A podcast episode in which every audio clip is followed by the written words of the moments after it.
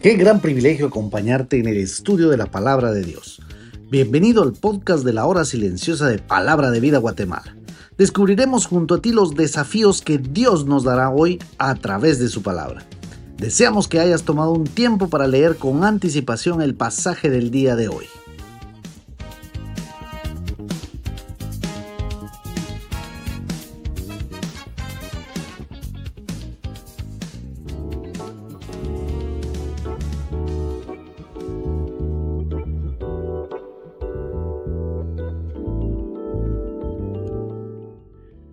Qué bueno que es Dios al permitirnos la vida y muchas bendiciones una semana más. Te saluda Héctor Salazar y el pasaje de hoy lo tenemos en Lucas capítulo 1, del versículo 13 al versículo 25. Si me acompañas entonces en la lectura, la palabra de Dios dice así. Eh, leo en la Biblia de las Américas.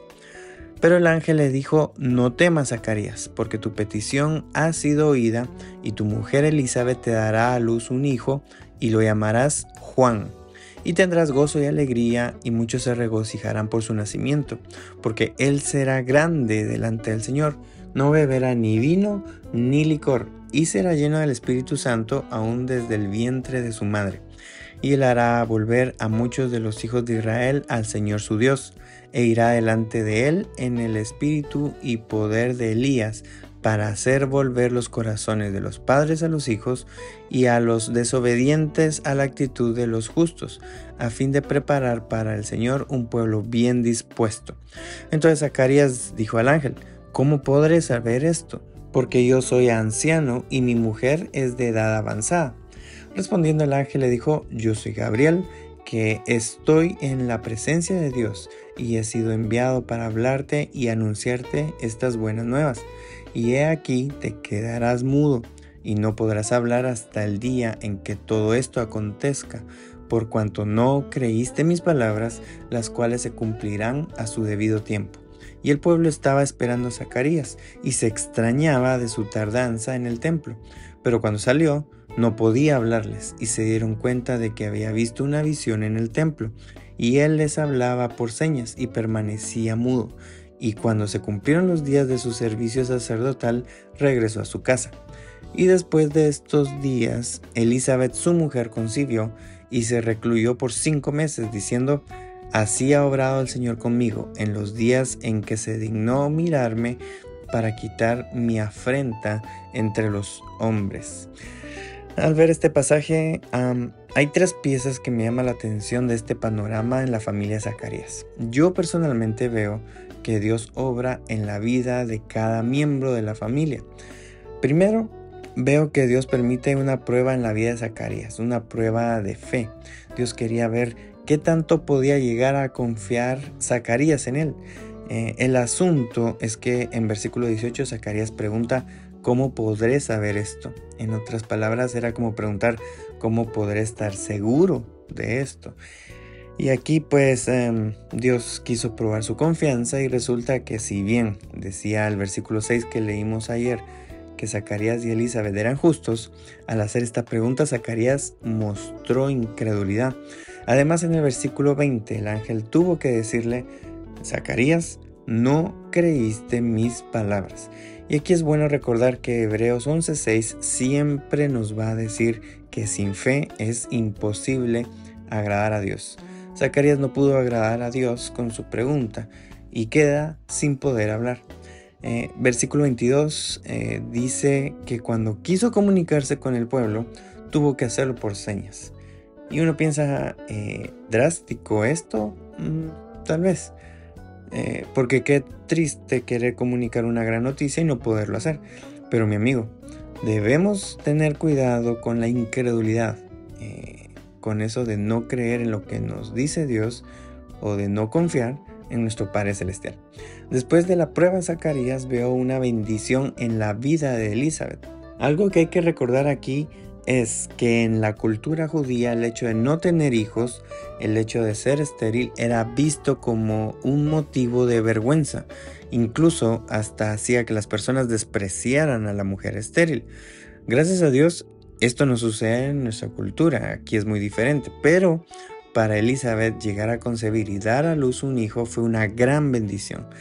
¿Y cuántas veces tenemos peticiones delante de Dios que salen desde lo más profundo de nuestro corazón? Y qué gran alegría es cuando Dios nos contesta de acuerdo a como pensábamos y queríamos. Ese, supongo, fue el sentimiento que experimentó Elizabeth. Una gran bendición por una petición de oración contestada. Y por último, en este obrar de Dios en la familia veo el propósito de la vida de Juan el Bautista. Algo que llamó la atención dentro de los conocidos de la familia es que Juan el Bautista no sería llamado Zacarías, como se hubiera esperado, sino que sería Juan. Habrán pensado que Zacarías usaría su nombre para ponérselo a su hijo, pero no. Y aquí vemos cómo inicia el propósito de Dios para Juan. Luego, en los siguientes versículos, el diligente doctor Lucas, como nos decía ayer Ronnie, registra muchos detalles. En versículo 14 dice que el nacimiento de Juan sería motivo de gozo y alegría, pero no solo para los padres, sino dice para muchos. Eh, versículo 15 dice una frase espectacular, dice que sería grande delante del Señor. ¿Por qué? Porque sería criado con excelentes principios, como por ejemplo no tener vicios, no tomaría bebidas alcohólicas, pero la mejor de sus características es que sería lleno del Espíritu Santo, aún desde el vientre de su madre. Eh, yo pienso que esta descripción de Juan el Bautista para cualquier pareja de padres es el deseo o el anhelo para cada hijo que Dios concede. Y no solo se queda ahí. En versículo 18 se sabe de antemano el gran ministerio que tendría Juan el Bautista. Haría volver, dice, o incluso haría que se reconcilien los corazones de padres e hijos y cambiaría actitudes de desobediencia a actitudes justas. Haría que comprendan su error, dicen otras versiones. Y qué gran satisfacción ha de haber sido esas noticias para Zacarías y Elizabeth, llegar a ser los padres de un hijo así. Lo que me hace recordar Salmo 138, 8, que dice, Jehová cumplirá su propósito en mí. Es cierto que Juan el Bautista tenía por delante un gran propósito, pero tú y yo también estamos en la tierra para cumplir un gran propósito. Y ese propósito de Dios para nuestra vida debemos de irlo descubriendo. Nuestra vida no es un accidente, tampoco nuestra vida es una casualidad. Estamos en este mundo para hacer, como dice Efesios 2.10, las obras, no solo las obras, las buenas obras que Dios preparó de antemano para que andemos en ellas. Por eso vívelo. Vimos el obrar de Dios en Zacarías, en Elizabeth también, pero en cuanto a Juan el Bautista, quiero que pienses en ese propósito de Dios para tu vida. Piensa, ¿qué quiere Dios hacer con mi vida? ¿Qué quiere Dios hacer con tu vida? Espero que no pienses que tu vida es para hacer tus planes. No, no, no, no, no. Espero que pienses que tu vida es para hacer los planes que Dios tiene. Juan tenía por delante un gran ministerio diseñado por Dios mismo y así mismo es para ti. Así que por sobre todas las cosas que quieras hacer en la vida, con tu vida, pídele a Dios que te muestre lo que Él quiere hacer con tu vida.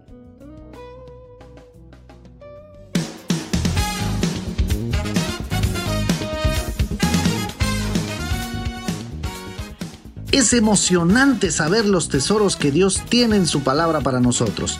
Ayuda a tus amigos a que descubran la voluntad de Dios para su vida. Comparte este podcast con ellos. No olvides seguirnos en nuestras redes sociales.